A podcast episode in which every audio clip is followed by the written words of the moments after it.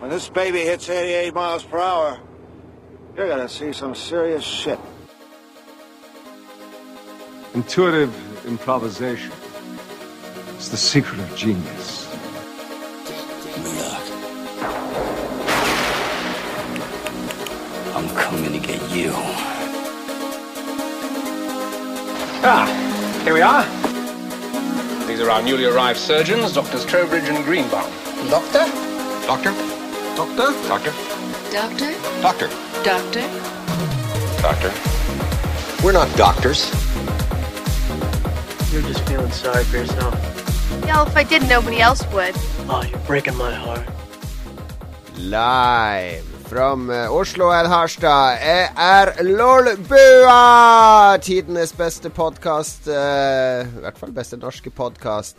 Jeg har kommet til episode 185. Eh, egentlig ikke. Vi har masse episoder innimellom som vi ikke teller. Fordi vi er veldig opptatt av å ha et sånt tallsystem. Er vi ikke det, Lars Rikard Olsen? Veldig autentisk. Jeg skulle si autistisk av oss. Ja. Eksempel, hvis vi skal ha en spesial om Commodore 64, så kan det kun skje i episode 64. Og Ja. så videre. Ja. Og vi, men vi klarte å lure oss til det her 80-tallet nå fra episode 180. Men som en lytter har påpekt, dere må ikke gjøre det sånn. Dere kan snakke om 1985 i f.eks. uansett episode. Det Ja, ikke skje nå i dag. det var sånn der mind blown for oss. Ja, vi Ja, kan det. faktisk gjøre det. Spesielt, kanskje spesielt for deg, Magnus. Du er vel mannen i redaksjonen med mest litt sånne hangups. Ja, jeg er nok det. Sannsynligvis. Um, jeg, jeg er glad i eh, estetikken eh, det medfører å, å bruke ting som ligner på hverandre. Som episode 185 og året 1985. Men det skal sies, det var ikke min idé. Jeg ble bare veldig glad for det. Er du sånn med mennesker og liker du best å være sammen med folk som ligner på deg, som er samme hudfarge og Jeg, jeg liker best eh, folk som ligner på meg sjøl og har samme kulturelle referanser som meg. Ja. Det er en, en jeg vil si en beinhard rasist, om jeg skal si det rett ut. Ja, rasist Men du er både rasist på tall og ord og mennesker, da. Så det er liksom Så lenge det er en helhet i det, så, så kan det vel kanskje svelges. Ja, jeg håper jo det, da. Veldig bra intro. For, for det handler det bare om, om estetikken, og ikke Det er ikke noe annet. Ja. Jeg, jeg er bare rasist av estetiske grunner. En estetisk rasist. En finrasist. sånn vestkants... Uh, ja, vi går, hvorfor går vi rett ut den hengen? Jeg tror det er fordi vi hadde en annen podkast Ja. ja, der, Magnus, der vi måtte være så seriøse. Så nå er det, kommer jeg sånn helt over i andre kjørebane. Ja, deilig. Uh, da, skal, da skal det dras helt ut. Men uh, Mats, apropos dra, dra det helt ut. Takk.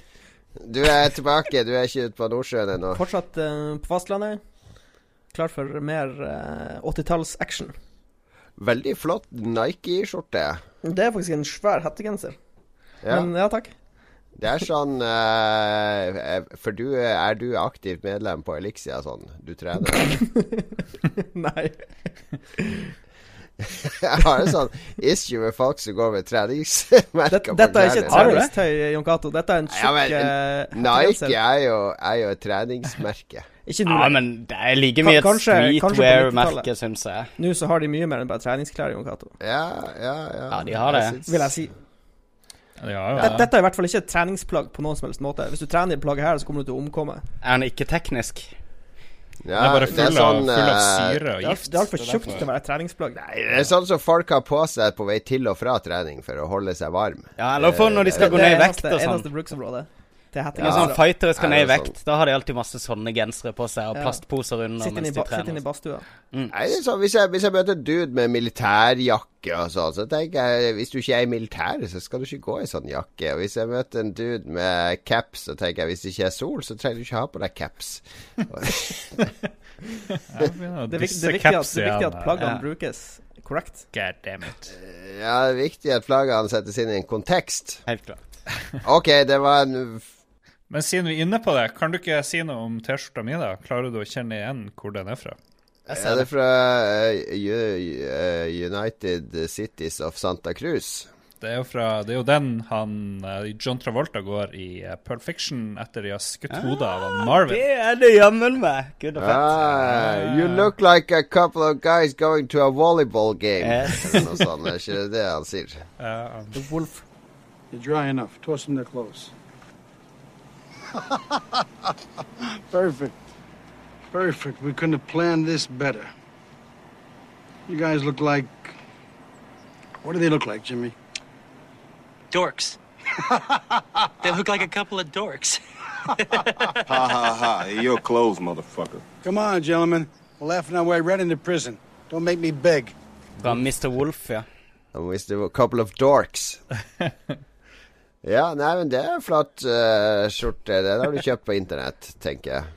Fikk den av en kompis som var i Santa Cruz, faktisk. Så det er Uh. feil på alle punkter. Yeah, right, right. Vel, veldig bra. Takk eh, til eh, alle som er med i sendinga i dag. Alle fire den harde kjernen i Lolbua. Må ikke du kline med popfilteret ditt, Magnus? Jeg hviler hodet mitt på popfilteret. Så sliten er Magnus at popfilteret må ta imot hans hårete hake. Er det noe spennende som har skjedd i det siste? Jeg vet ikke, kan vi, Er det lov å ta opp current events, f.eks.? Ja, klart. Alt er lov. Det er Lolbua. Eh, Har vi egen um, spalte for å hate på Electronic Arts i dag? Det er jo den store snakkisen i Ja, det snakkes. spillindustrien. Ja, hva er det som skjer der? Det er det Star Wars-spillet som koster 600 spenn, og så er det masse sånn in game currencies og lootboxer og pay to win-elementer mm. henta rett fra mobilspill. Er det det som er saken? Ja, Ja, det, det er masse ting som er låst Ja. eh, bak eh, diverse Som du må unlocke i løpet av spillets Du gang. må, du må unlocke Darth Mm. Vader og Luke Skywalker for å kunne spille de som heroes. Og det er jo helt ja. Det er greit at de må unlockes, er det ikke det? Nei, ikke i Battlefront. Du skal kunne sette deg ned I dette Hvis du skal unlocke Darth unlocke- Vader i Masters Nei. of Teras Kasi, så må du da runde spillet først. Jo, men Battlefront så har alltid Vader og Skywalker vært liksom eh, basic-helter. Men nå er har det ikke det. Nå har de gjort helter. kunstneriske endringer i spillet. Nei, de ikke. Det er ingen som har lyst til å spille 40 timer for å kunne unlocke Vader. Nei, jeg er enig, men, men kanskje spillet har andre ting som er gøy, annet enn å spille Jeg tror jo Hvis vi skal ta det Altså, det unlockinga er ikke problemet. Det må Hvis du La oss si du må klare noe for å unlocke den. Det er, det er kult. Men at du skal grinde credits, og det er en kredittlimit per dag med hvor mye credits du kan grinde, så at du kan si OK, jeg må bare spille fire timer hver dag Ja. i ti, ti dager, så har jeg Vader. Det er ikke noe gøy måte å unlocke ting på. Helt Men enig. Og det er jo, det er jo Ja. veldig tydelig at det er det de har gjort. De har gjort den eh, mo mobilmodellen med å gjøre spillet kjedelig, så, men så kan du liksom betale deg forbi sånn her negativ forsterkning, som det heter. Fravær av negative opplevelser eh, gjennom eh, små betalinger.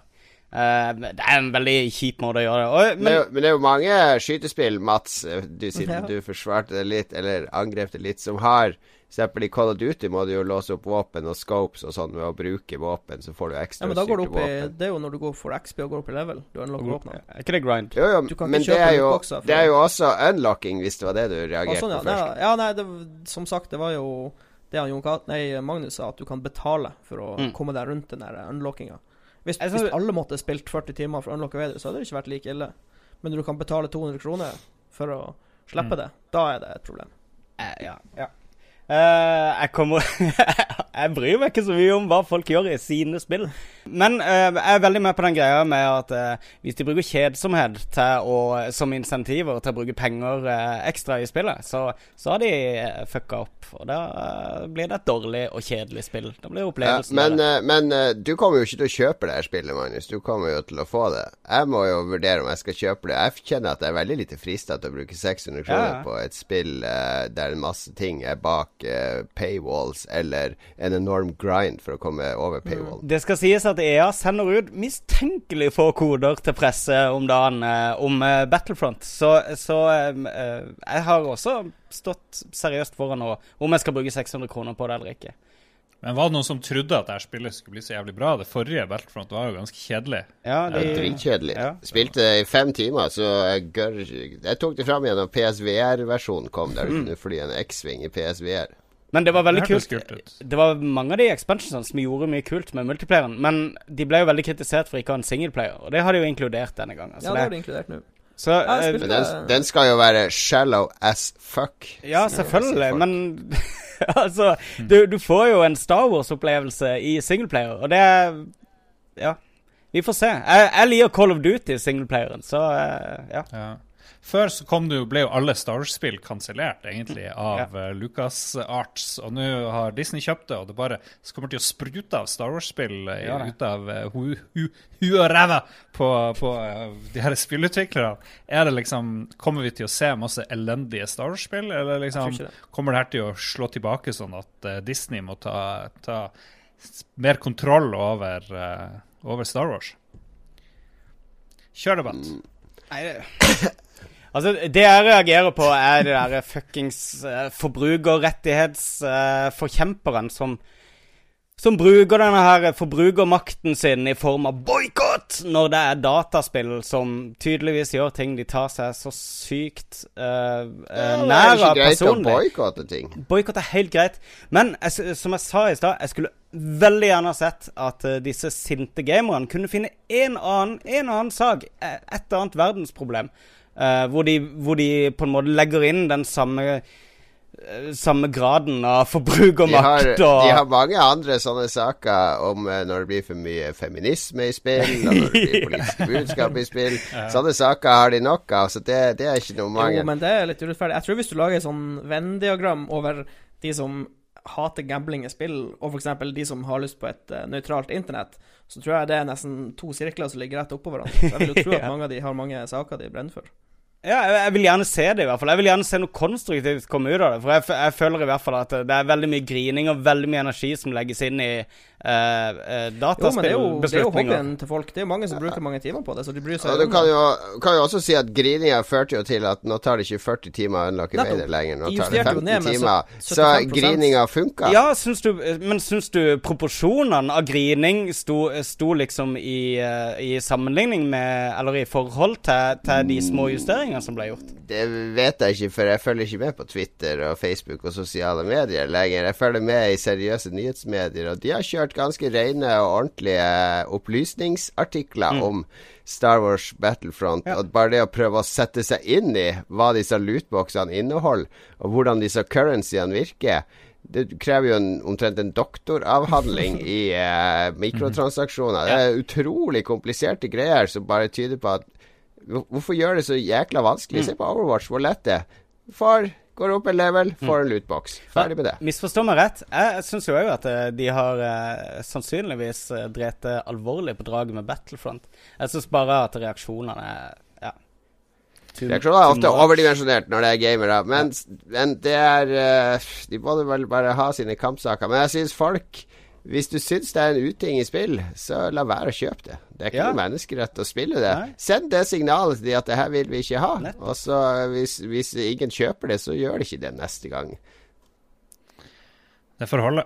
Ja, ja det holder i massevis. Mer enn nok. Er Mer enn nok. Ja.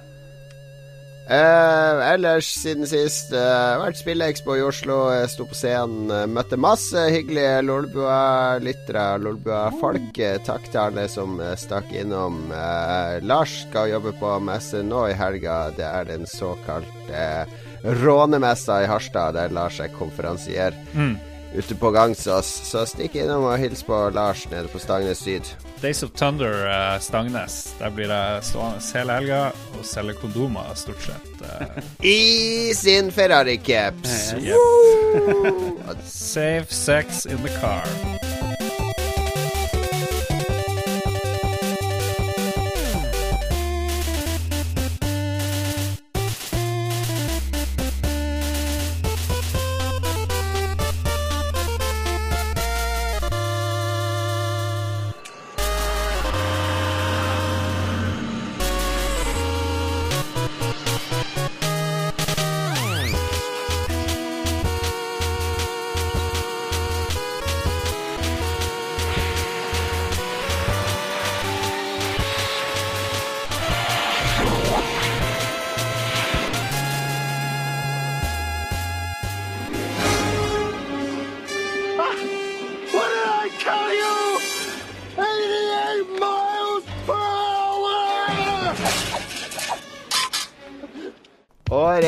Er 1985.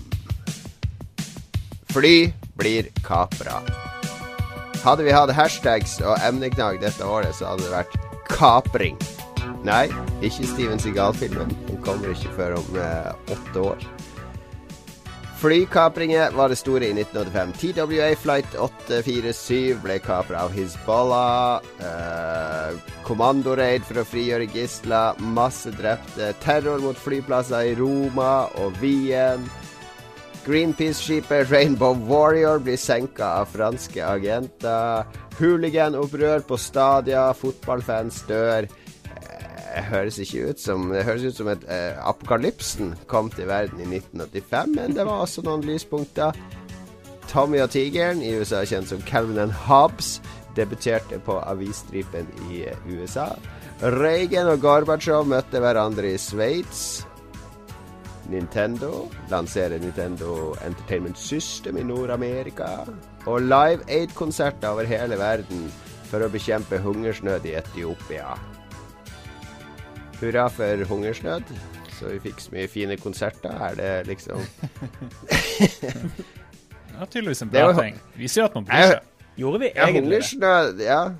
ja, vi brydde oss jo. Ja, men fikk vi egentlig bra konserter ut av det? Du, det var mye bra. Jeg husker godt Live Aid. Jeg satt og så en del av det på TV. Det var mye det var i USA og Europa og masse flotte band. Og alle de store på den tida spilte jo. Ja da, absolutt. Konserter. Det kom masse bra konserter ut av det. Jeg er helt enig. Det var, kom bare noen litt kleine sånne allsanglåter med sånne All Stars-kor. Ja, du tenker på We Are The World. Fax, for eksempel. Og ja, Fax, husker- var det- Fax, det var altså, for eksempel. Å, jeg trodde det var en annen låt. Nei, nei. Ja, vi er, Are, We Are The World er jo en, eh, en flott låt. Er det egentlig det? Mats. Hm, jo, den er en kjempelåt. Nei, nei, jeg skulle bare si når jeg var mindre, så trodde jeg det var Live Aids, og at alle som sang, hadde aids. Tok Det hadde vært mye bedre. Good lord. Good lord. Nei, We Are The World er så fin at når jeg sitter og dudler ideer til episode 200, jeg har veldig lyst til at vi skal avslutte med å synge We Are The World med flere fra Entourage på scenen. Ja, ja, jeg er med. Jeg ser, jeg ser det her for meg på tilt etter alle de her shotene dere drikker underveis på det jubileumsinnspillingen. Mm. Det må bli We Are The World. We Are The World eller noe fra Det tror jeg kan bli eh, utrolig bra. Men hva heter det norske Band Aid-bidraget? Åh, det var det der. der, det husker jeg. Jeg husker den sangen. heter det? Var jo med hele gjengen og Anne Grete Preus og den var så Sånn grusom. Return var med, og det var mye Ja. bra. Åge Aleksanders. Vi må finne ut av det. Ja, den må vi finne ut av. Sammen for livet, folkens. Ja, ja, det var det, ja. Sammen for livet. Så er vi med, sammen for livet. Det var jo kjempe Det var en fin låt. Det var, jeg solgte så bare det på singellistene. Veldig low-tech eh, spille utdrag fra sangen her. Bjørn Haaland. Fucker ikke med Bjøro, sier jeg bare. Bjørå var med. De kom jo med en noen år senere med Lene Marlin og de den der uh, 'Har du mistet en penn', eller hva det het. Den låten. Det var også noe sånn der uh, sammensurium av artister. Stemmer det. Og uh, de hadde jo en for uh, Haiti. Ja, ja, ja, ja, ja. Var det ikke det? Det var en venn av oss som var med å organisere innspillinga av den uh, singelen. Men alt det var takket være 1985 og uh, Live Aid og Ja, det var vel egentlig først når Do They Know It's Christmas Ja. var vel den som starta disse uh, potpurriene av popartister som da skulle være med og synge noe tårevått. Konge å anta at alle i verden feirer jul. Det er jo awesome. Ja, jeg vet det. Ja. Ja, det fins jo i mange versjoner. Du har jo Do They Know It's Hanukka, Do They Know It's It, osv. Ja. så så det, det var en innertier. Vi må jo kjøre full uh, flerkulturell uh, versjonering av låten. Skal du nå utover hele verden. Og noe som nådde utover hele verden i 1985, var jo de mange gode filmene, Mats. Ja. Eh, 1985 filmåret, det var Altså, 80-året har bare levert uh, det ene etter det andre av gull. Uh, 85 fortsatte i eh, stor grad. Eh, vi kan jo begynne å ramse litt opp. Eh, The Goonies.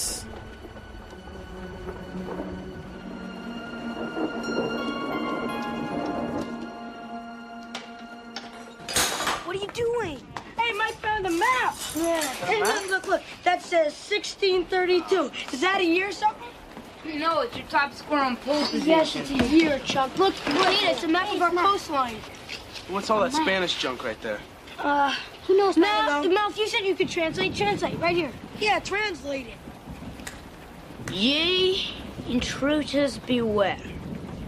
Crushing death and grief.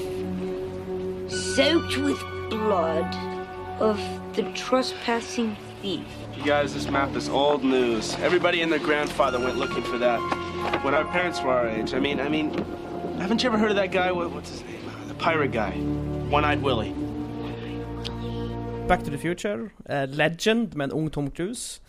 Uh, John Hughes uh, kom med to filmer. The Breakfast Club og Weird Science, som Mm. har en sykt bra norsk tittel. Den eksplosive drømmekvinnen. Direkte oversatt. Ja. Arnold ga oss kommando eh, med saftig action. Eh, Mel Gibson spilte Madmax for siste gang, eh, hittil, da, i Madmax Beyond Thunderdome. Jeg mener jo fortsatt at de burde lage en film med Mel Gibson som gammel Madmax. Det hadde vært Mm. eh, konge. Jeg er med. Eh, Terry Gilliam fra Monty Python slapp eh, en surrealistisk, dystopisk science fiction-film som heter Brasil. Ja. Som handler om eh, byråkrati og, og galskapen rundt det, da. Mm. Som er veldig bra. Jeg så den faktisk nylig, for bare et par år siden. Um, siste James Bond-filmen til han Roger Moore kom, uh, A View to a Kill. Sylvester Stallone returnerer som Rocky i Rocky 4 og avslutter den kalde krigen. Eller gjør Var det han som, eh, han som fiksa den kalde krigen? Ja, han gjør jo det, mer eller mindre. Det var starten på han Sovjetunionen. Han Mose, han gruser Sovjetunionen. Ja. Eh, They're toe to toe. The Russian towers above the American. It's the true case of David and Goliath here. It's unbelievable the, the, the condition of both men, but the Russian champion. I must break you. eh, de lagde en oppfølger til 'Romancing the Stone' som het 'Jewel of the Nile'. Det samme greia, sånn adventure-opplegg. Eh, Reanimator gis ut. Eh, den var ikke så kjent i 85, men den ble senere en ganske stor kultklassiker. Eh, basert på ei HB Lowcraft-novelle. Herbert West, kolon, Yes. Reanimator. Korrekt. Eh, Disney gir ut eh, en film som heter The Black Cauldron, eh, Ja. som var en ganske alternativ satsing. Den er ganske mørk til å være en barnefilm. Handler, om, handler om en gutt som, som spiller en sånn apprentice. Og den gjorde det utrolig dårlig. De tapte masse penger på det. De, den kosta sikkert Den kosta rundt 44 millioner US dollar å lage, og den tjente inn 23, tror jeg. Så Disney gikk skikkelig minus. Den var tegna og de gikk... Det var Don Bluth som tegna den. Samme som har tegna Ah. Stemmer det. Det var svindyr å lage. Og det tok Ja. over ti år etter den gikk på kino, før den ble gitt ut på hjemmevideo. Så Wow. Dis Disney var ikke fornøyd med den, for å si Det det var sånn. en, eh, hva heter det, Dragon Slayer og Dragon Slayer, ja. Space Ace og Don Bluth. Taran, Taran heter hovedkarakteren i The Black Taran, ja. Og tegnefilmen eh, 'Secret of Nim'. Det var jo han som tegnet. Ja, stemmer. Eh, og så prøvde de å lage ny uh, film i Robert E. Howards koneunivers. De lagde en film som heter Red Sonja, med Mm. Brigitte Nilsen. Uh, med faktisk han Arnold Schwarzenegger, men han spilte ikke konaen. Han spilte en fyr som ligna veldig på han konaen. Logi logisk. Ja, og den, den var ganske dårlig. jeg så den også nylig. Jeg har sikkert sett den for fem år siden. Den er, den er dårlig, men underholdende. Ja. Birgitte Nilsen kan jo ikke snakke Nei, det er engelsk, jo for det krise, første. det er så passer godt i lag med, Med Arnold. Arnold ja. Ja. Det må jeg si. Hun var jo med både Arnold og Sly, for hun var jo også med i Rocky 4. Ja, stemmer det. Det var Mm. faktisk. Mm, Kjæresten til Dolph. Sylvester Stallone fortsetter i 85. Han gir ut uh, Rambo First Blood Part 2. Uh, og da, det er jo kanskje da Rambo actionfilmen starter. For den første, så er, Mm. den første er jo en, egentlig en dramafilm. Ja. Så dette var den første actionfilmen i Rambo-serien. Så kan vi nevne at uh, hjemme i Norge så eh, kom eh, spenningsfilmen Orions belte ut. Basert på ei Jon Michelet-bok eh, med han Helge Jordal i hovedrollen. Og den gjorde det veldig bra. Terningkast fem i VG. Eh, Ja. Tjente masse penger. Det var et knallår for norsk film. Det kom jo også uh, Adjø solidaritet, kom jo klassikeren. Og uh, Vam og Vennerød på sitt beste. Og det kom jo Deilig er fjorden med Rolf Wesenlund. Uh, Kjærlighetens triumf og Galskap og Hustruer ti år etter. I hvert fall i forhold til de to siste åra, så var det et høydeår for norsk film. Ja. ja veldig sterkt år, i hvert fall eh, for Hollywood. Uten tvil. Eh, hadde vi en egen eh, episode nesten dedikert til Back to the Future. Jeg husker vi snakka veldig mye om den da det var 30-årsjubileum, eller hva farsken det nå er. Ja, den første og den beste av Back to the Future-filmene, i hvert fall. Ja, det er jo ganske awesome. Doc, she didn't even look at him. This is more serious than I thought. Apparently, your mother is amorously infatuated with you instead of your father. Whoa, wait, wait a minute. Doc, are you trying to tell me that my mother has got the hots for me? Precisely. Whoa, this is heavy. There's that word again, heavy. Why are things so heavy in the future? Is there a problem with the Earth's gravitational pull? What? Første var veldig bra. Jeg husker andre var ikke så bra, men det kule med andre var at slutten viste at de lagde, hadde laga en tredje film òg, da. Så da ble jeg litt sånn her What? Liksom, skal vi rett over i den tredje filmen? Det var sånn der veldig eksplisitt teaser. Men jeg må arrestere dere gutter, fordi Don Bluth hadde ingenting med Black Cauldron å gjøre. Dere What? blander med Secret of, Secret of Nim. Nei, nei, nei. Er den filmen dere tenker på? Det var den eneste Altså Det er ikke noe vits å prate om. Gå nå heller på Wikipedia og sjekk det Ja, opp. jeg skal sjekke opp med en gang. Ja. Så det kan du endre i klippen, Lars, så slipper vi å få en én million eh, leser med sinna lesere som skal korrigere oss. hater vi. Det hater vi. Og så kan du legge det inn igjen, for det, nå fikk jeg bekrefta at eh, Don Bluth er med i Black Cauldron. Oh no. Oh no. Nei, jeg skal få det bekrefta ordentlig. Ja. Ja. Han er ikke med, så. Men du får gå på conspiracytheories.com, så får du det sikkert. Jeg kan spille Sammen for livet mens dere blir enige. Tingen er at jeg Nei, du, vet du hva?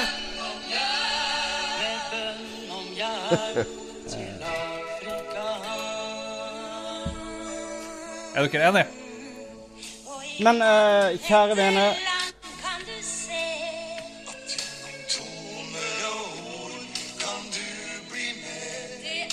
Er dere enige? Ja, ja, ja. Okay. Ikke for min del. Den er grei. Du, det var Tim Burton. Det var ikke Don Bluth. Så jeg sa feil. Ja. Mm. Tim Burton lagde de røykeffektene til den her eh, eh, Cauldronen i Black Cauldron. Det var hans første jobb i Disney. Gidder ikke å ta med de rettelsene. Vi får bare spre litt feilinformasjon. Hvor gamle Don Bluth de er? Ja. Så, så, så lenge det ikke er jeg som sier noe feil, så er det Så er det helt greit, ja. Folk regner med som Og- så mye feil. Ok, det rant inn med film. Jeg må si at vi har jo på sånne gylne eh, nostalgibriller når vi snakker om de filmene. For når du ser Mm. litt sånn der halvobjektivt på det, det er ikke mye Jewel of the Nile og det driten der. Det er jo ikke veldig bra Nei, det er sett med Det er lenge siden jeg har sett den, for å si det sånn. Men eh, jeg vil si at Back to the Future og i hvert fall Kommando er to filmer jeg gjerne kan se flere ganger. Ja. Breakfast Jeg Club tenker- eh, tror jeg må være høyt Breakfast oppe Club var litt kjedelig når jeg så den på nytt igjen. Ja, men det, det er litt kjedelig når du er veldig ung. Og, Og Brasil, ja. Brasil er også gull. Brasil er vel omtrent det eneste fra det året som jeg vil si er en skikkelig klassiker. Jeg tenker ofte på Jeg tenker ofte på hvordan hadde denne film, jeg opplevd denne filmen hvis jeg så den for første gang i dag. Som Mm. 45-åring. Jeg tror jeg, Back to the Future hadde jeg jo bare sagt var noe idioti. Jeg har, en, som, jeg, har eh, faktisk, jeg har faktisk en 85-film som jeg skal se for første gang, som jeg fant på ei liste, og den heter To Live and Die in LA. Jeg vet ikke om dere har sett den? Ja, jeg kjenner Den skal visstnok være bra. Mm. Så den skal jeg se for første gang når jeg er gammel, da. Så kan vi se om den holder hold opp. Jeg, jeg kjøpte faktisk The Goonies kjøpte jeg på DVD, og den tok jeg aldri ut av plasten. For jeg har ikke noe lyst til å ødelegge de, alle de gode minnene jeg har fra den filmen. Så, og jeg vet at hvis jeg ser den igjen, så OK, da var han kanskje ikke like kul. Ja, for den husker jeg som magisk. Jeg har sett mange ganger. Den holder seg ikke så bra som du skulle ønske, men den er holder seg ikke like bra som Don Bluths eh, Black Hole Run. Nei, riktig. Den er litt bedre. Nok musikk, nok, uh, nok film, nok film. Vi skal over til Music Non-Stop. Eh, året 1985 er kanskje det beste året for musikk, spesielt norsk musikk, ever. Ikke sant, Magnus? Jo, jeg har ikke sett så mye på det norske, egentlig, annet enn uh, selvfølgelig a-ha. Jeg har en uh, tekst fra, fra uh, venn av podkasten, Jens Arthur, her. Skal jeg ta og lese opp den for å sette stemninga? Han har selvfølgelig yes, gjort i, I Jens Arthur-stil. Ja, det blir vanskelig. Men uh, jeg leser det på kristiansandsk, så får dere bare simultanoversette internt. Klassikerne står i kø på musikkfronten også. 'Money for Nothing', 'We Don't Need Another Hero', 'Shout' med 'Tears for Fears', selv om jeg kanskje foretrekker en av coverne. 'Would I Lie To You', 'We Are The World', 'Take On Me', 'Suicidio'.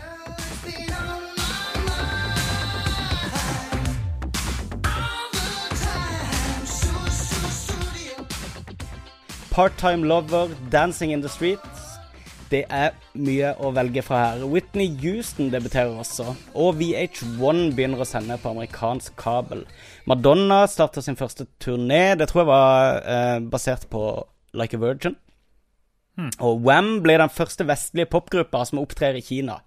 Og en av verdens største musikkfestivaler, Rock in Rio, har sin første eh, festival med omtrent 1,5 millioner publikummere. I tillegg så kjøper Michael Jackson opp eh, Beatles-rettighetene rett foran snuten på både Paul McCartney og eh, eh, Yoko Ono, som begge to bøy på det. Eh, så det var ikke så populært, husker jeg. Og eh, Jo, jeg har noe norsk. Um, Bobby Socks hadde La det svinge i 1985. Det ble Vet du hva? Det sto faktisk Det sto på internasjonal Wikipedia på he musikalske hendelser i 1985. Notable events. Ja, for det at det var første gang Norge vant i, i i Jeg Grand Prix. jeg husker draktene de hadde på seg, den lilla Ja. greia. Ja, galskap.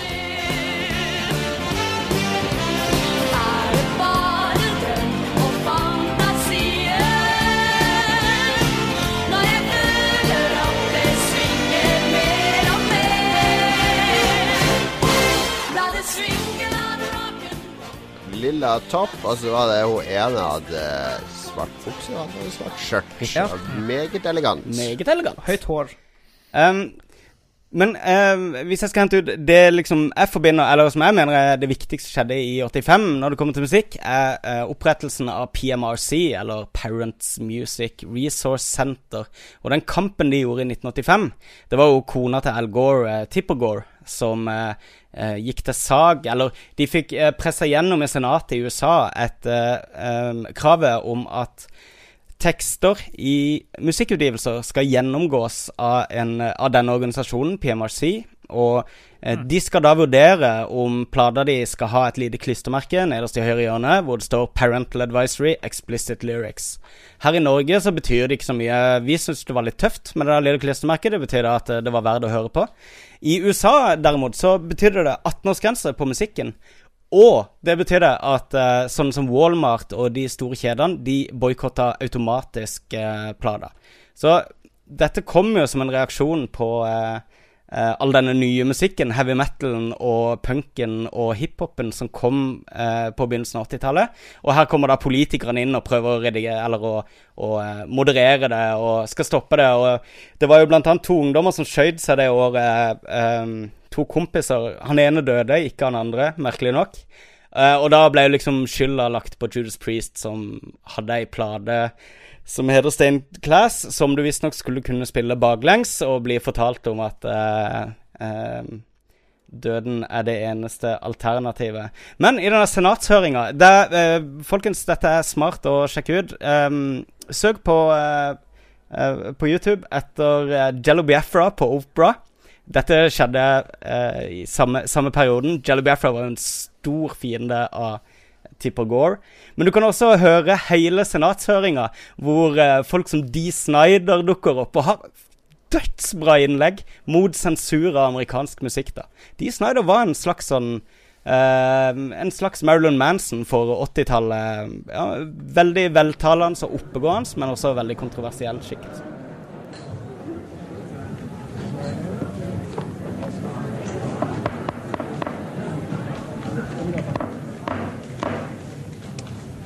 Mr. Snyder, thank you for being here. Thank you for having me here. I don't know if it's morning or afternoon. I'll say both. Good morning and good afternoon. My name is D. Snyder. That's S-N-I-D-E-R.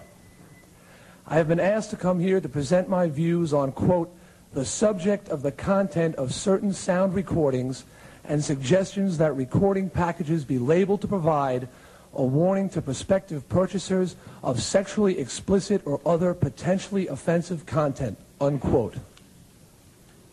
Before I get into that, I'd like to tell the committee a little bit about myself. I'm 30 years old. I'm married. I have a three-year-old son. I was born and raised a Christian, and I still adhere to those principles. Believe it or not, I do not drink, I do not smoke, and I do not do drugs. I do play in and write the songs for a rock and roll band named Twisted Sister that is classified as heavy metal. And I pride myself on writing songs that are consistent with my above mentioned beliefs. Det var en meget solid gjennomgang, bortsett fra Lars og Mats. Vet dere hvem Dee Snyder er? Ja. Det er vel eh, vokalisten i Sex Pistols. Nei. Ja, og, og Yellow Biafra. Hvem, hvem er Yellow Biafra? Det ble for internt, kanskje. Jeg har møtt uh, Yellow Biafra, faktisk. Um, Ja, Jeg likte navnet, i hvert fall. Jello. Tenk hva heter Jello. ja. Ja, ja. Eh, jeg bodde i Stavanger eh, en liten periode da Ja. jeg var yngre. Eh, blant annet jeg gikk på barneskolen. De to siste årene på barneskolen bodde jeg i Stavanger. Og- Ja vel, det er jo nytt for oss. Ja, jeg gikk på Godeset barneskole, og i sjette klasse så fikk vi besøk av en prest som skulle snakke om musikk. Og da kunne vi da kunne vi si bandnavn til han, og så skulle han si om det var OK å høre på dem. Ikke sant? Nevnte, vi nevnte band som Metallica og ACDC og Rage Against the Machine. Og alle de bandene var sataniske og hadde dårlige verdier, så Ja. vi måtte slutte å høre på dem. Konge. Men det, det var her dette hysteriet begynte, da. Dette var med PMRC. Um, Dee Snyder var Twisted Sister, forresten. Jeg vet ikke hvorfor ingen sa det. Ja, ja, Eh, ja. men Ja. ting var at det var liksom ikke bare de som engasjerte seg i det. Det ble en sånn stor greie i amerikansk musikk, og nesten alt det jeg hørte på, det var liksom uttalte motstandere av Tipper Gore. Så hun var på mange måter liksom hovedfienden i, uh, under oppveksten på 80- og 90-tallet. Um, Du hørte bare på band som hun hata. ja, for det at jeg hørte på hiphopen som kom på den tida, og jeg hørte på punken. Du kan si at uh, Tipper Gore styrte smaken din. På, på mange måter så var det jo med, i hvert fall, å, å eh, mobilisere folk. Ja, ja, ja. Ja. Så jeg hørte sikkert om masse artister jeg ikke ville hørt om ellers, pga. alt det oppstyret. Og pluss hele det der uh, explicit lyrics-greien Det eneste det gjorde, var jo at ungene hadde mer lyst på de platene. Så Jo, men som sagt så hadde det det, det er litt sånn som den der eh, adult Er det adult rating eh, GTA fikk etter GTA-spillene? Mm. Uh, det har faktisk veldig mye å si for, uh, for distribusjonen, av det at disse store kjedene automatisk kutter det ut. Og pluss 18-årsgrense, det fucka jo opp for, ikke sant? For uh, rap og alt dette her, for det er kidsene hørte Jo på. Selvfølgelig gjør det det, men uh, du finner ikke Copkiller på Walmart med eller uten parental Copkiller var banna i USA, faktisk. Ja. Den uh, Så bodycount. eh, det var morsom uh, med litt politisk drama i musikken. Jeg ble jo sjokkert her at Mats og bodd i Stavanger. Kan du snakke på stavangersk, Nei, Mats? jeg, jeg, jeg bytta aldri dialekt da jeg bodde i Stavanger. Jeg har beholdt min dialekt. Hva, hva sa skoleelevene om han der presten som dukka opp? Ja, Vi syntes det var utrolig artig at han, at han sa at ACDC hadde sataniske vers i sangene sine. Det var En løyetype. All right. Vi, det viktigste vi skal konkludere med i musikkåret, er jo Bobby Socks som var det viktigste. Elisabeth Andreasson og Hanne Krogh. Eh, nå må vi ta stilling her. Skal vi ha avstemning? Eh, Lars, Mats, eh, Magnus. En hel aften. Wining, dining, litt øl, noen drinker, kanskje oppe på hotellrommet etterpå. Kanskje noe 69-ing. Ja, Hanne eller Hanne eller Elisabeth. Hvem vil du ha date med, Lars? Jeg tar hun der som ikke var svensk. Var ikke en av de svensk? Jo, Hanne Krogh fra Reisen til julestjernen. Ja, blir det. Snakker vi om de to som var i Bobbysocks nå? Ja. Ja. Ja, ja, ja. Mats, hvem velger du å gå på date med? Um, Hanne Elisabeth? jeg kan ta svenske, da, hvis ikke han Lars vil ha svenske. Ja. Ja, OK. Én på Bettan, én på Hanne. Magnus.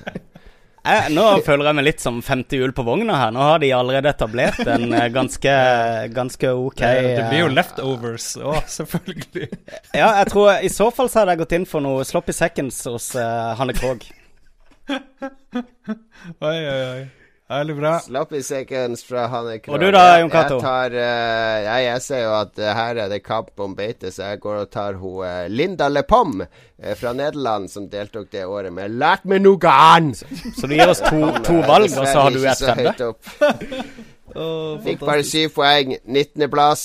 Trenger litt trøst. Jeg kommer, byr opp på middag og litt vin. Og Det er jo som tatt ut av the game, din psycho. Jeg, Jeg går for hun som har fått færrest poeng, for det at eh, da er hun mest sånn mentalt eh, mottagelig for, eh, for min Ja, eh, ja, dominans. ja, ja, jeg bytter til Sonja Lumme fra Finland i stedet. Hvordan gikk det med henne? Eh, hun kom på niendeplass med sin sang 'Ella Cornella ma', som er tysk for eh, 'Lenge leve livet'. Hun hadde bare oversatt Dolly Deluxe sin sang fra året før til, til finsk. Ella Cornella ma, ella mocca pekka Ok, nå tar jeg litt av her. Jesus lord, Vi kan aldri arrangere livesending i Finland etter dette med Lolbua. It'll be sung by Sonja. Suomen vuoro. And the song from Finland is called Eläköön elämää, which means let life live, live la vie. It's sung by Sonja Lumme and conducted by Ossi Runne.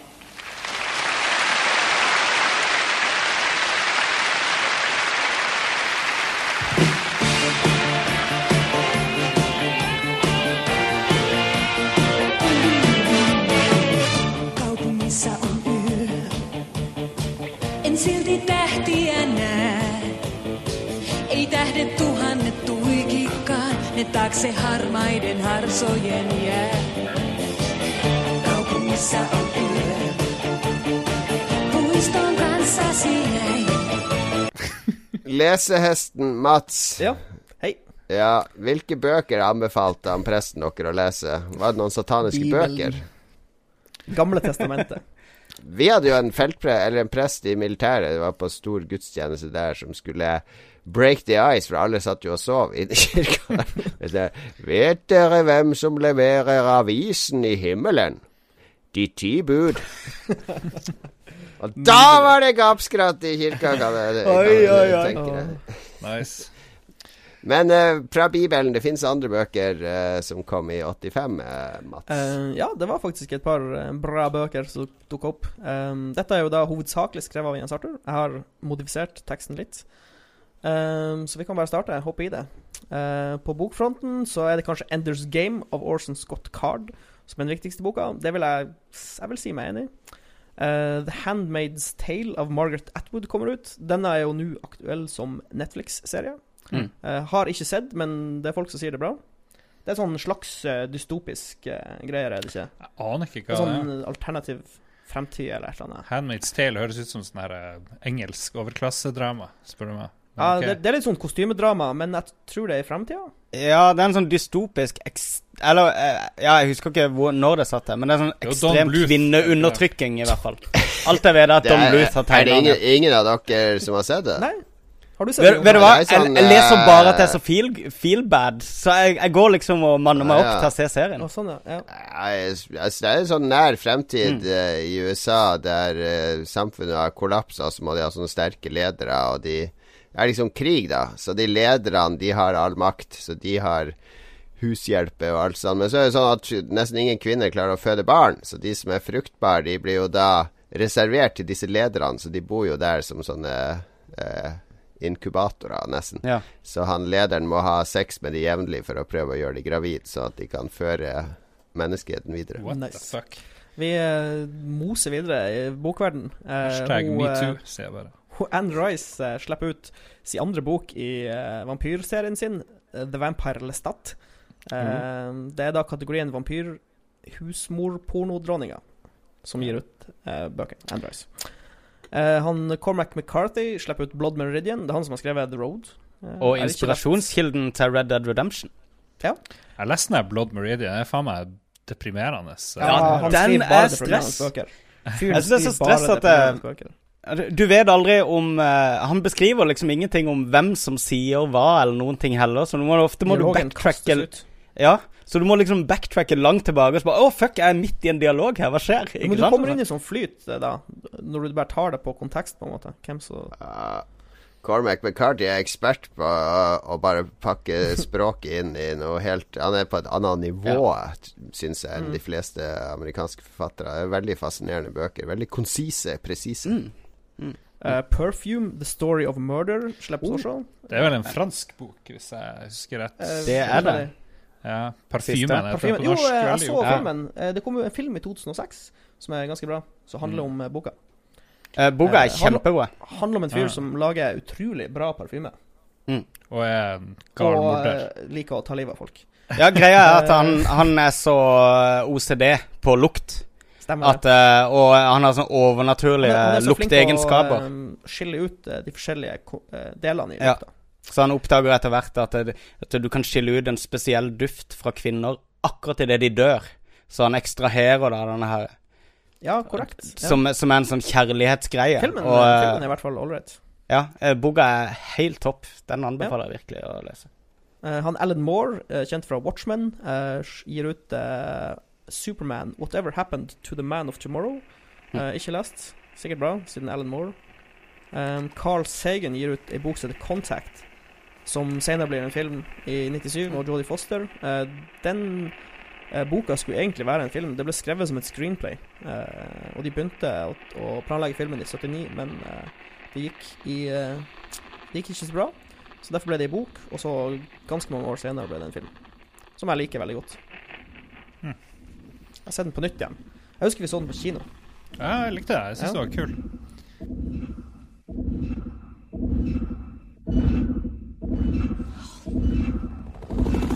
This morning's detection of an unidentified radio source from deep space can neither be confirmed nor denied. Whatever it is, it ain't local. Position? I checked into interferometry somewhere in Lyra, I think. Uh, Vega? Can't be. It's only 26 light years away. I want all these people out of here. Your having sent this announcement all over the world may well constitute a breach of national security. Boy, this isn't a person-to-person call. This may be an announcement to get our attention. The president's called an emergency meeting. You know those interlaced frames that we thought were noise? This has structure. I'm going to recommend to the president that we militarize this project immediately. There's no reason to believe that their, their intentions are hostile. There's no proof of that. Why don't they just speak English? Mathematics is the only truly universal language, Senator. Buried within the message itself is the key to decoding it. Those look like engineering schematics, almost like blueprints. Jeg hopper videre på TV, hvis ikke folk har lyst til å si noe mer lurt om bøker. Do it. Do it. Gjør det. Jeg skal bare korrigere Jens Arthur legger opp her, fordi den første vestlige konserten i Kina var Jean-Michel Jarre. Det var ikke Wam. Men uh, det, det får stå på Charter sin kappe. Ja, det er, vi, tusen takk til Jens Arthur som har gjort research, så vi slapp å gjøre research. Kan bare sitte og kritisere han når vi ser Vi gjør research på Hansen research. Ja. det er det vi Det kalles eh, korrektur. Yes. Ja. Det, jeg trenger bare nevne én ting når man skal ta for seg TV-året 1985. Det er jo selvfølgelig TV-serien 'Moonlighting', eller 'Bøllen og blondinen', som det het i Norge. Kanskje en av mine favorite eh, TV-serier på NRK. eh, Detektiv, tror eh, gull. Sånn detektivserie med Bruce Willis og Sybil Shepherd. Med fantastisk tone med de der to, pluss hun der nervøse sekretæren på kontoret som får å gneldre med sånn høy pipestemme. Eh, verdt å kjøpe DVD-en for. finnes Fins sikkert ikke på Blu-ray Jeg tror ikke den er på noen strømmetjeneste. Det blir ikke så populært. Men eh, ifølge Wikipedia så var det her sånn en av de første sånn komikrim-greiene. Det, det er jo sikkert helt feil. Det høres veldig feil ut. Men ja, ja. Comedy romance. Ja, det var mye romanse. Det var mye softlinse. Ja. Bang og Sybil Shepherd For det handler om at hun eier et, eh, et privatdetektivbyrå. Og så jobber han Bruce Willis der, og hun har lyst til å sparke han hele tida. Men han er sånn sjarmerende. Han er så kjekk. Klarer ikke å sparke han. Jeg vet ikke helt liksom hvorfor Det jobber jo sånn 20-30 stykk på det her privatdetektivbyrået. Men, eh, men det ender jo bestandig opp med at hun og han driver og løser saker alene på et eller annet vis. We're moving. Do we have to? All my friends go to this school. This train is moving. Land of Goshen, she's right. Listen, you better figure out a way to get me off this train. Oh, lady, I will gladly get you off this train. I will throw you off this train if necessary, but kindly refrain from any physical act that is not of an erotic nature. This is not my fault. Ha! Ha ha ha! I was not born yesterday. It's true, I had lunch with her yesterday. If she'd have been born, I'd have noticed. Suspected, Maddie, suspected. Doesn't that word mean anything My to mind you? is made Don't up. you think you at least owe her the courtesy of listening owe to her her story? What are you doing? I'm doing what I Should should have done all along. What I wanted to do, Do originally. originally. What I should have done last, Last night. Stop that, David. I'm calling The police, David. Hello, Hello, police? I hate you. Og så er det sånn plutselig en episode hvor de bare synger, eller plutselig en episode som er et flashback til sånn svart-hvitt 20-talls. Mye sånne her morsomme konsept, eh, Det høres ut som alt de gjorde i Buffy. Det er litt sånn forut for sin tid, den Ja. eh, serien. Men det var også en sånn eh, naiv eh, ting med den serien og andre Mm. på den tida. At vi bare sånn Ja, det kan være et detektivbyrå. Så eh, ikke gjør noe research for å prøve å få det realistisk sånn som det faktisk er. Ja. Det er bare, la oss, vi går bare ut fra at det kan være sånn. Ja. Skal vi se Han Charter nevner noe som heter Diplomatics. Uh, noe sånn KLM-greier. Den var veldig bra. Den har jeg sett mange ganger. Handla om å være ambassadør. Mm. Uh, kjempemorsom. Ja. Ambassadørskolen i Norge. Det, kanskje, kanskje vi finner det på NRK-appen. Det må, må jo sjekkes. Ikke umulig. Og så kom noe som heter Rød snø. Eneste jeg vet om Rød snø, er at uh, Død snø han Tommy Wirkola oppkalte filmen sin sånn Ville kalle den Rød snø, men han fikk ikke lov. Fikk ikke Rød snø var jo en litt sånn der thriller, eh, grøsseraktig greie fra eh, norsk eh, Norsk natur. Det var, var, det var påskekrimmen Ja. det året, så det var kjempespennende. Thomas von Brømsen, husker jeg, han svensken var med. Og jeg tror Kjersti Holmen var med. Og det var veldig, veldig spennende. Det var vel noe sånn nazisme eh, Flykte fra nazister-greier, hvis jeg husker rett. Det høres like bra ut navn ut som 'Blodspor på bussen', den fantastiske boka jeg bestandig lånte på biblioteket. i Bremsespor i trusa, Ja, var den. Så kom Portveien 2, eh, 85. Woo, det var jo stort. Eh, Ja, det var bra. Det var stort. Jon Cato, litt for gammel for det, tipper jeg. Altfor gammel, jeg har aldri sett det. Jeg vet det var Jarl Goli og Eli Rygg. Og en sjiraff. Så var det en fyr som tok over for en Jarl Goli da han ble så berømt i den der Adjø solidaritet, eller hva han spilte. Og så hadde du han litt shady gamle mannen som bodde i søpla, som heter Indigo. Nei, det var jo helt feil. Med Gulas. No. Nei, det var med det var Gulas. Gulas. Ja. Men uh, var ikke Gulas en del av var- Portveien 2?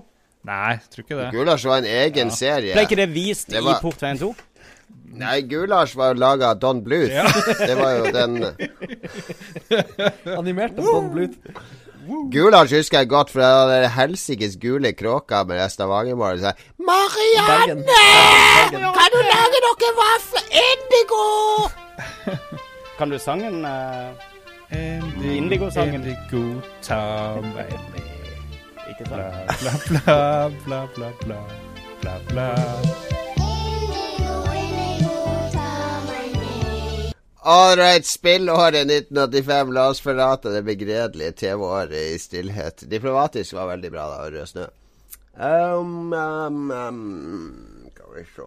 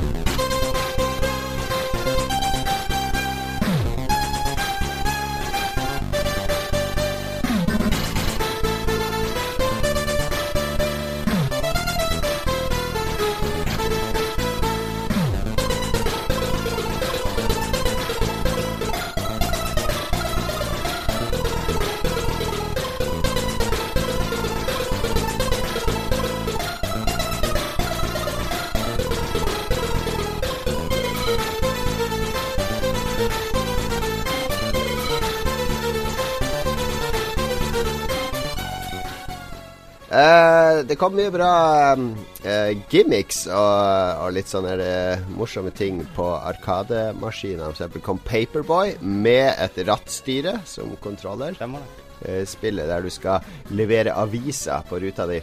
Kommando kom. Hadde ikke noe med filmen å gjøre, men var veldig kult arkadespill. Gradius. JR Kung Fu. Hang On. Ghost and Goblins mye klassiske arkadespill det her året. Space Harrier kom til og med. Gauntlet er jo fire player.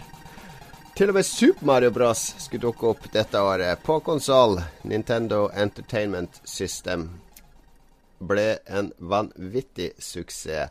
Eh, på PC så var det EA hadde et av de beste spillene noensinne der, nemlig Racing Destruction Set. Det første bilspillet der du kunne lage dine egne baner. Du kunne til og med stille gravitasjon til å være på månen eller Mars eller hvor du ville.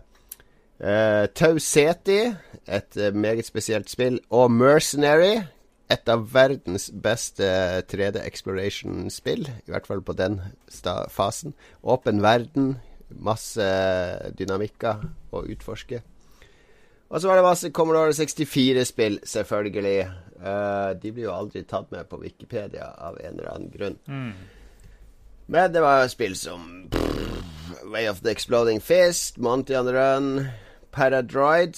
Kanskje verdens beste spill noen gang. Det spiller jeg fortsatt. Og Winter Games. Maria Whittaker debuterte som side tre-pike etter Samantha Fox. Hun fikk ikke sitt eget strippokerspill, det fikk Samantha Fox, men vi husker jo alle de saftige, flotte reklamene for Barbarian 2 på Commodore 64 med Maria Whittaker. Google det, karer. Barbarian 2 Maria Whittaker. God fornøyelse.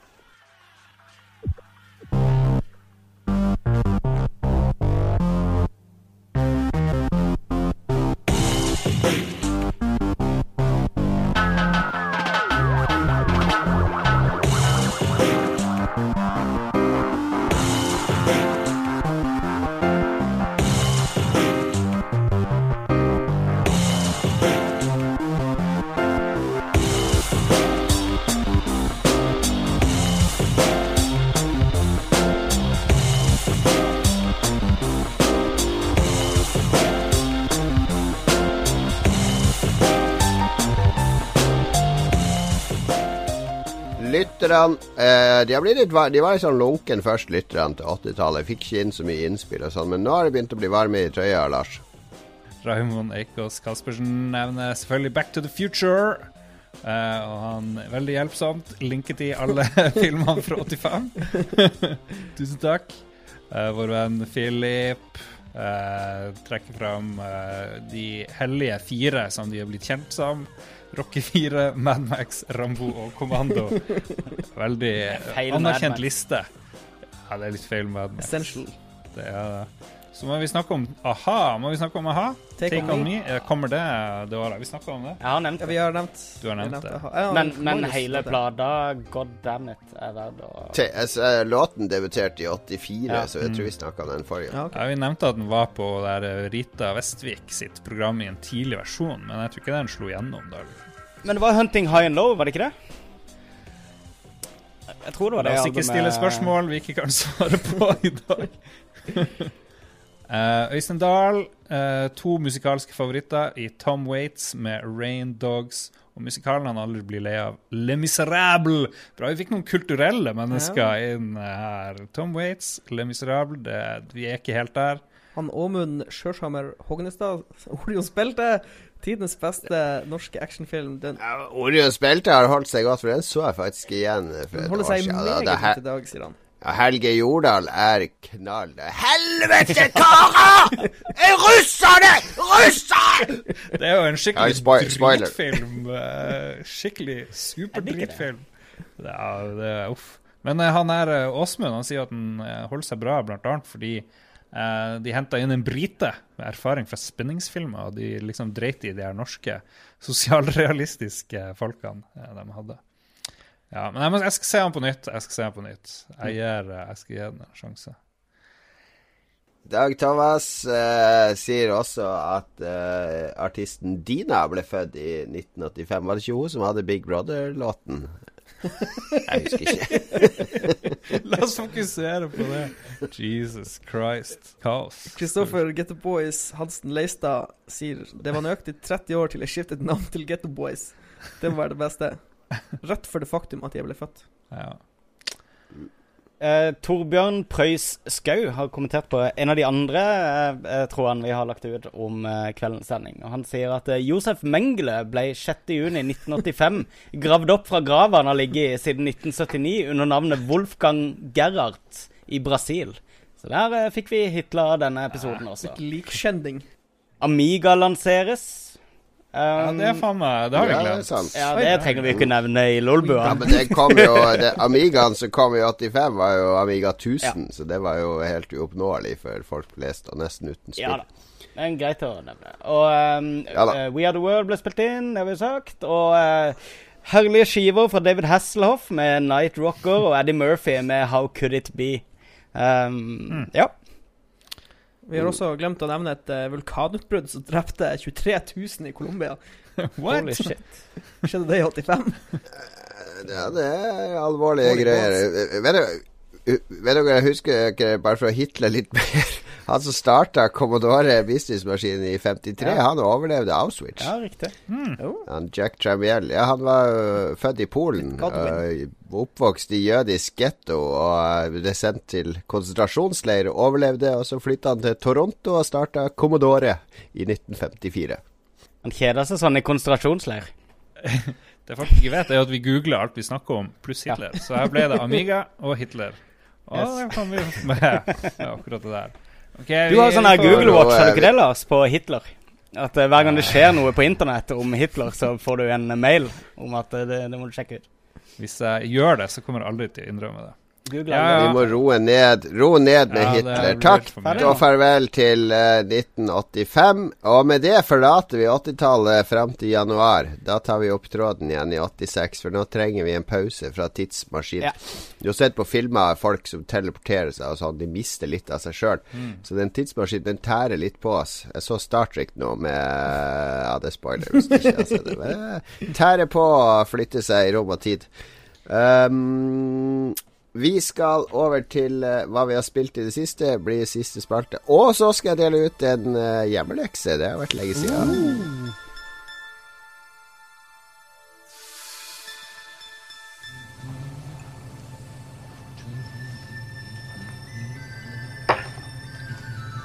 Dette her er omtrent det morsomste jeg vet. Hadde den enda lønt seg? I så fall burde det vært dobbelt så mange. Dobbelt så mange.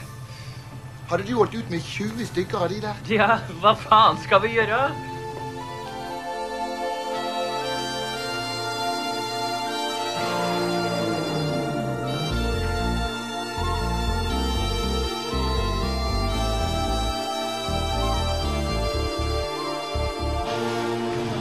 Helvetes Lars. Jeg må bare ordne litt slange. Gidder faen ikke være med sjøl. Slapp av, Tom. Lars kan vel ingenting for det at vi ikke har!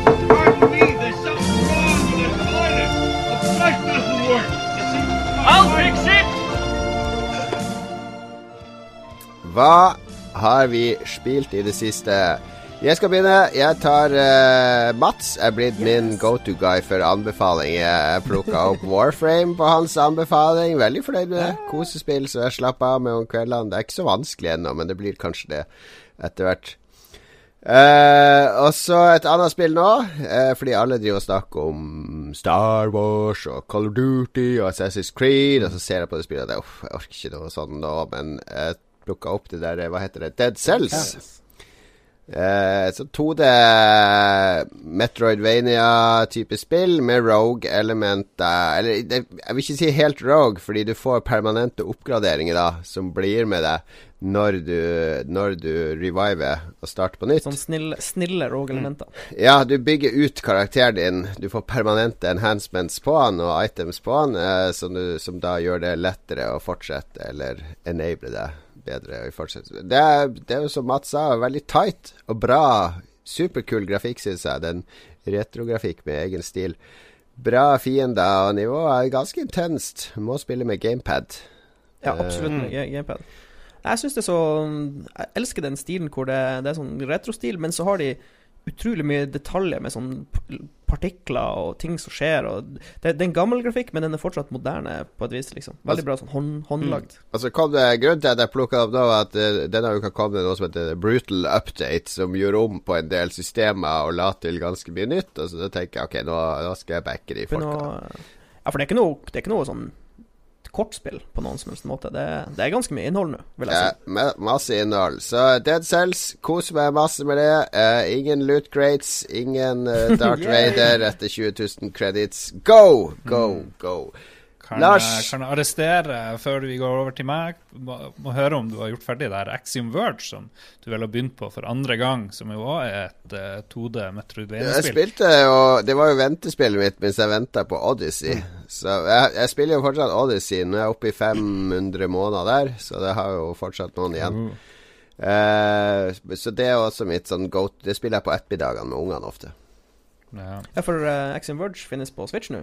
Ja, Switch og all over. Konge. The effing place anbefales veldig. Dead Cells burde også komme på Switch. Det er perfekt. eh, Det gjør det sikkert. Men uh, Axiom Verge er jo ikke et sånt e- easy way out uh, Hva det heter, rogelike-spill. Der har han liksom lagt inn arbeidet og Ja, ja, ja, det- planlagt for en hel kampanje. Mens rogelike er litt mer sånn lettvint løsning for mange utviklere. Det er mye, mye lettere å lage Rogespill.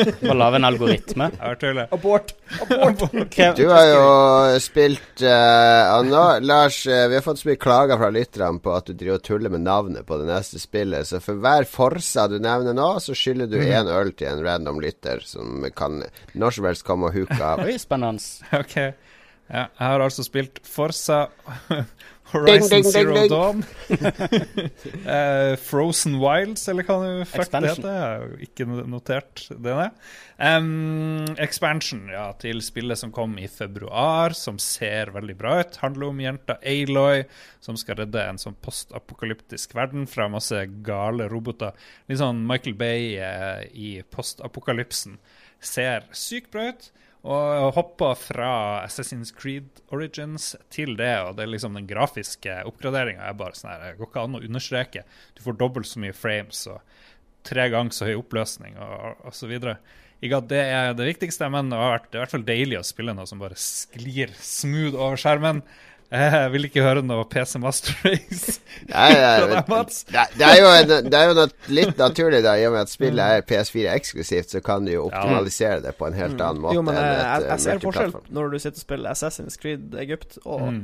når du hopp, fyrte opp uh, Horizon. Men Ja, ja. Det er helt klart uh, forskjell. Positivt å høre at det funker på en 1080p plasmaskjerm fra 80-tallet også, syns jeg.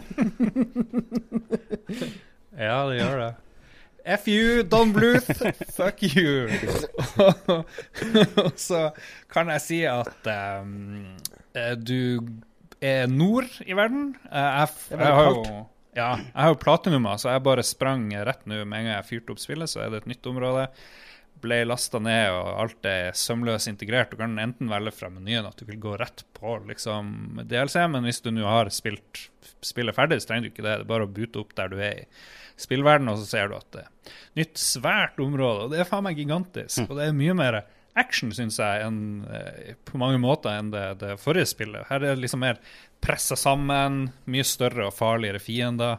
Eh, litt sånne her gale fjelltopper og eh, Er det gøyere, altså? Mye mer Litt gøyere, kanskje. Um, litt færre sånne, sånne filler-ting. Det virker som om de har liksom tatt de kule tingene de ikke fikk plass til i hovedspillet, og bare pressa det inn i DLC. Men det er jo en, eh, en expansion, og det er alltid litt sånn vanskelig, syns jeg. Fordi at de som digger hovedspillet, de er jo er no-brainer. Selvfølgelig skal de ha expansion. Men hva Mm. med, hva med de som syns uh, hovedspillet var sånn meh, jeg har spilt noe gjennom det, men uh, det var jo ikke all that. Er, er dette nok til at ja, da bør du spille det her, for det her eh, Da vil du, det her vil du like allikevel. Nei, nei da. Det, hvis du ikke likte hovedspillet særlig, så er det bare hold seg unna det her. Eh, det, det, det, det er ikke så forskjellig. Det er det ikke. Men eh, for vi som likte det første, så er jo det her, eh, som du sier, en no-brainer. Forza Horizon Zero Dawn. Men eh, hun heter Hva heter hun? Eilo? Aloy. Aloy heter hun ikke det? Aloy?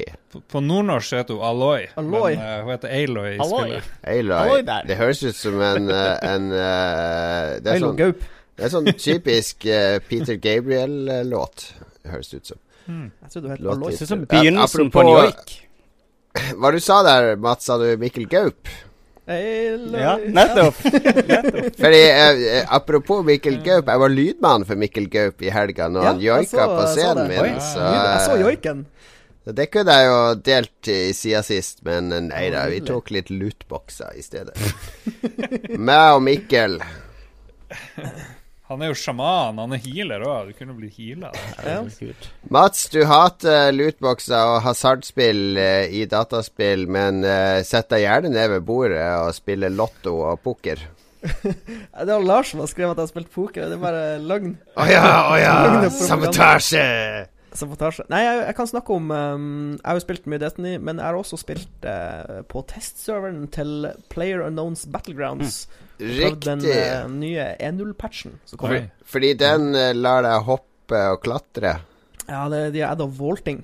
Så du Mm. kan, uh, hvis du går inntil en boks eller et vindu eller noe du kan klatre på, og trykker på hoppeknappen, så klatrer du gjennom vinduet. Hopper opp på boksen. Holy shit. Det er så rart, det er så rart når, når de beskriver det til oss utenforstående. Som var Oi, wow! Klatre- klatre. med- Ja, men det, det er noe du må tenke på, er at hittil i spillet så har du bare hatt et sånt kjip hopp Ja. som du liksom må bruke for å komme deg opp på ting, og det har vært veldig vanskelig, for å si det mildt. Så nå har du endelig sånn automatikk i Mm. det, som gjør at du kan hoppe ut av et vindu, eller hoppe inn i et vindu. Eh, og så har de kommet med mye um, hardware-optimiseringer, så spillet flyter flyt veldig mye bedre. Det er kos. Sovne her, sovner her. Og så har de kommet med et eh, nytt kart. Ja. Uh. men dessverre så var ikke kartet tilgjengelig på testserveren. Det var egentlig bare det Ah. jeg ville prøve. Ja. For de har lagd et sånt stort ørkenkart som ser helt sykt konge ut. Men uh, det blir ikke tilgjengelig før neste testrunde, tror jeg.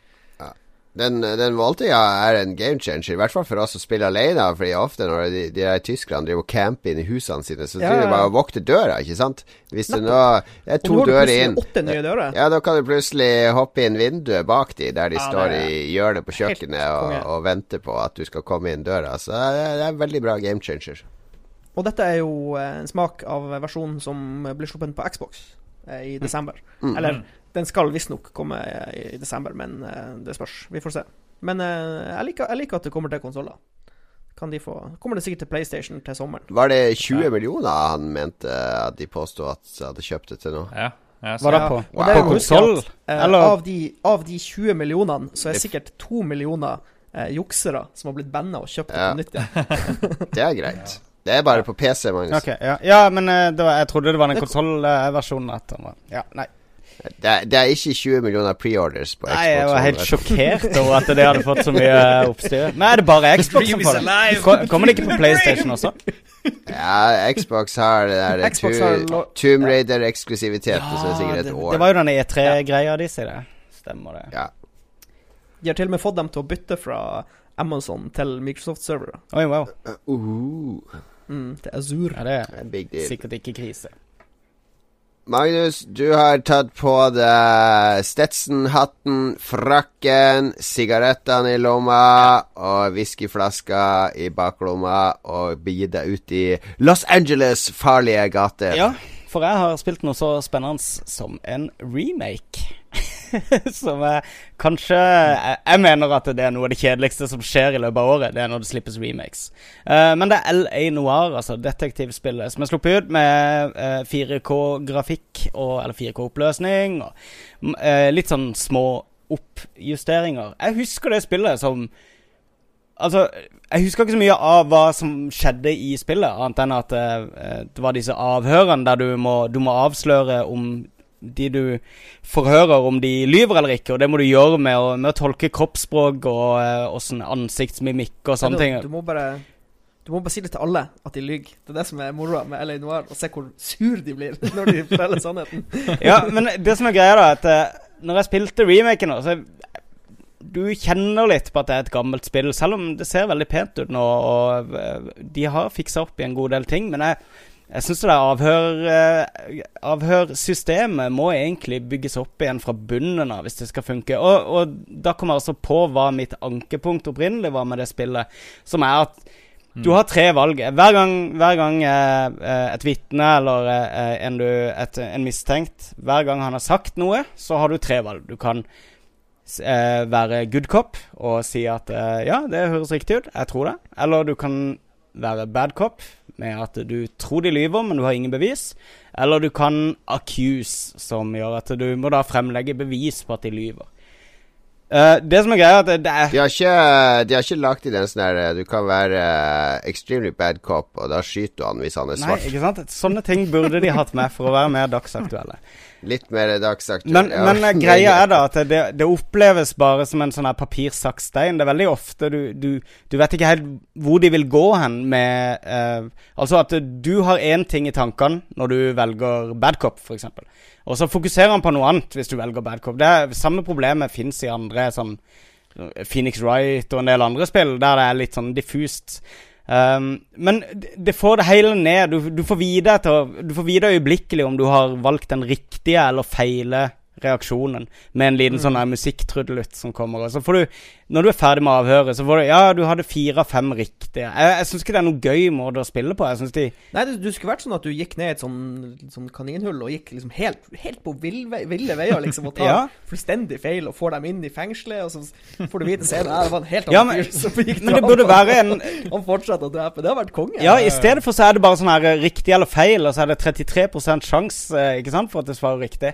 Eh, Så eh, jeg skulle ønske de hadde um, lagd det systemet om igjen. Jeg, jeg, jeg tror verden trenger et, eh, et nytt detektivspill. Hele det dialog-interrogation-greien var bare for å vise fram den sykt konge animasjonsteknologien de hadde brukt. Motion capture-tingen. Og og det er jo Det Casgrow fra Madman, yep. hvis, jeg, hvis noen av dere har sett Madman. Uh, Casgrow som etter hvert uh, mister det ene øyet sitt og går med stokk og sånne ting. En av de eh, copywriterne i Mad Men. Eh, det er jo han som spiller hovedrollen nå, så uh, stor stemning. Kjempebra skuespill i det. Det skal sies. Mm. Men ja. Ganske kjedelig spill. Det var det da, det er det nå. Litt skuffende. Uh, Sånn her uforløst potensial. jeg kan, nevne- vi har, min venn Frank Jeg kan ta det helt på slutten, hvis det er greit for dere. Ja, Min, min gode Frank har jo kommet hjem fra Essen. Kommer hjem i, det er verdens største brettspillmesse hvert Ja. år. Ah. Med en diger koffert full av brettspill. Og han har blant annet plukket opp Gloomhaven. Oh. Som er den store snakkisen. Ja, det må du få tak i oppe i Harstad. Ti kilos esker med Gloomhaven. Eh, Ti kilos brettspill. eh, Jesus Lord. Og det har Frank med seg i håndbagasjen. Ja, den ligger her hos meg nå, for vi skal spille den her. Jeg driver, jeg driver og gransker reglene opp og ned. eh. Er det mursteiner oppi den boksen? eller? Nei da, det er bøker og miniatyrer og deler. Men uh, det er Det er som Dungeons and Dragons møter Diablo? XCOM, ja, Diablo. Og så er det et legacy-spill, da, så det er én lang kampanje som varer i 100 timer ca. oh, jeg vil være med. Ja, og, og du har Du begynner Alle velger seg hver sin karakter først. Alle karakterene er hemmelige. De er pakka inn i sånne forsegla bokser. Og det er sånn 20 spillkarakterer med. Du har bare seks å velge mellom i starten. Og så får alle karakterene får et sånn personlig mål som de skal prøve å oppnå. For eksempel du skal besøke så mange krypts, eller du skal drepe så mange av det monsteret. Når du har gjort det, så har du nådd målet med livet til denne karakteren. Da kan han pensjonere seg. Og når du pensjonerer en kar, så kommer det nye kort inn i eventdekkene, og det, du får åpne nye karakterer, og du får lage deg en ny karakter. Og det kule er at det kommer inn sånne nye kort hele tida, basert på avgjørelser du tar i spillet, så at ting kommer å bite deg i ræva. Så han karen som pensjonerte seg, kan du møte seinere i kampanjen, som f.eks. en fiende, eller noe sånt. Det er et utrolig omfattende, dynamisk system.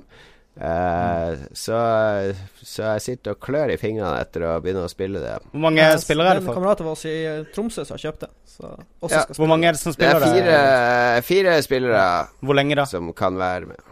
Eh, altså, vi, når alle kan det, så kan man spille gjennom to scenarioer, da. Som er liksom to dungeons på en kveld. Og så er det 100 og noe dungeons i spillet. Wow. Og så er det én Og så har du selvfølgelig stort verdenskart òg, som er ganske blankt når du begynner. Det er den byen Gloomhaven og trær og skoger og fjell. Og så er det jo ved 100 klistremerker, så hver gang du åpner en ny lokasjon, så skal du klistre den på forskjellige koordinater. Så etter hvert blir kartet fylt med steder, så har du masse options. Skal vi ta den sidequesten der, eller skal vi dra til den grotta der, eller skal vi undersøke de ungene som har blitt borte i myra der, osv. Burde ikke alt på kartet egentlig vært unlocka fra starten av, siden du som forbruker har betalt for spillet? Er kan godt poeng. Jeg som forbruker kan klistre på alle klistremerker med en gang, og så spoiler alt for meg. Det er helt opp til meg, så det her er ikke noe EA-modell. Fint. Det er Ja, må, du må sende han Frank ned til Tyskland for å kjøpe flere. klistremerker. Men uh, det her var teaser Det her var teaser på uh, Jeg skal komme med mer om Det Gloomhaven når vi har fått spilt det Ja. på, på nyåret. Eh, b- det var det vi hadde for i dag, var det ikke det? Neste uke er det vanlig sending. Å, vi skal dele ut Hjemmelekse. En hjemmelekse. En av dere skal få en hjemmelekse. Hvem melder seg til? Alle skal få den én gang. Det her blir de fire neste episodene. Hvem vil ha den første gang? Er du hjemme neste uke, Mats? Uh, ja. Da kan du få eh, Gi meg All right, hjemmelekse. all right. Vi skal uh, Vi vet jo Poenget med hjemmeleksene er jo at lytterne skal lære mer om oss. Uh, og bli bedre kjent med oss. Så det du skal gjøre Vi skal ta én dag nå. Eh, Magnus, kan du gå inn på random.org og trille en terning mellom én til syv?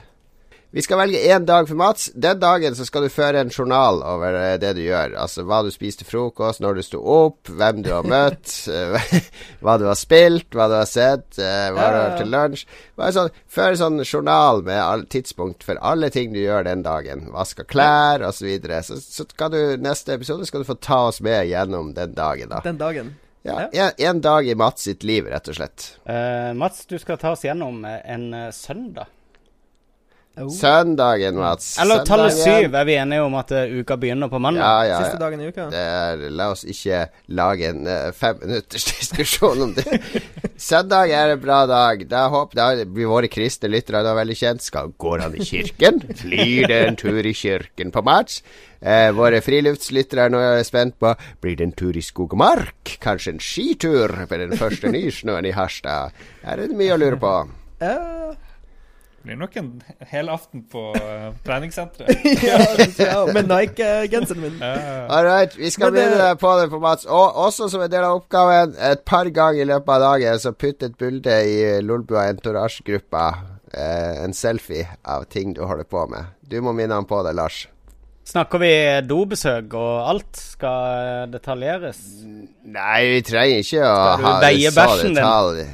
Vi vet jo at alle går på do, men når, når du spiser, hva du spiser Det kan være litt opp til Mats. Vi kan, jeg kan uh, gi han en vurdering etterpå, så vet vi andre tre hvor, hvor landet ligger i hvor detaljert det må være. Ja. Yes. Husk å onanere lørdag, da, Mats, så du slipper å dele det søndagen. Men ikke etter midnatt på lørdag. Da blir det en del av søndagen. Ops! Dette var det. Selfie! Fuck! Vi er, vi er tilbake neste uke. Det nærmer seg også slutten på året. Hvis noen av lytterne har noen veldig gode innspill på hvordan vi skal oppsummere året og de her Ta opp-listen! som, eh, som Magnus og Lars elsker.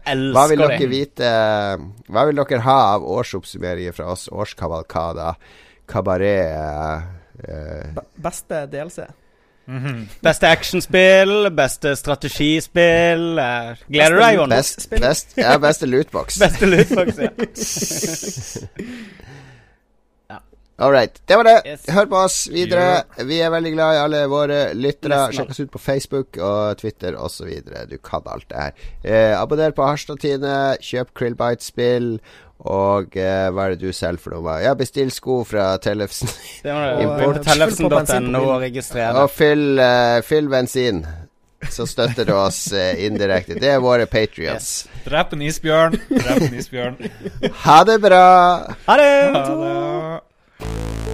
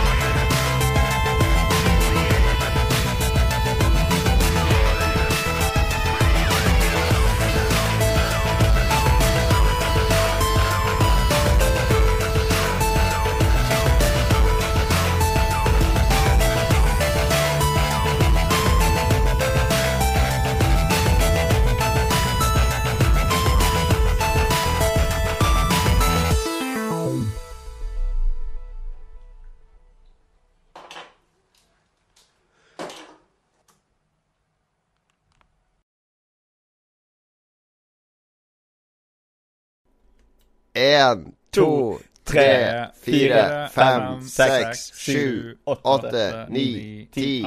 Prophets of Rage. Rage er det beste bandet ever. Rage. Men ikke bedre enn punk. Punk, altså. Og Fate No More. Ja, du fucka ikke med Fate No More-en min. Det er de som har den der uh, God is a DJ, er det ikke det? Eh, jo, det er Fate No More. Helt riktig. Har du et enkeltpersonforetak eller en liten bedrift? Da er du sikkert lei av å høre meg snakke om hvor enkelt det er med kvitteringer og bilag i fiken, så vi eh, gir oss her, vi. Fordi vi liker enkelt. Fiken superenkelt regnskap.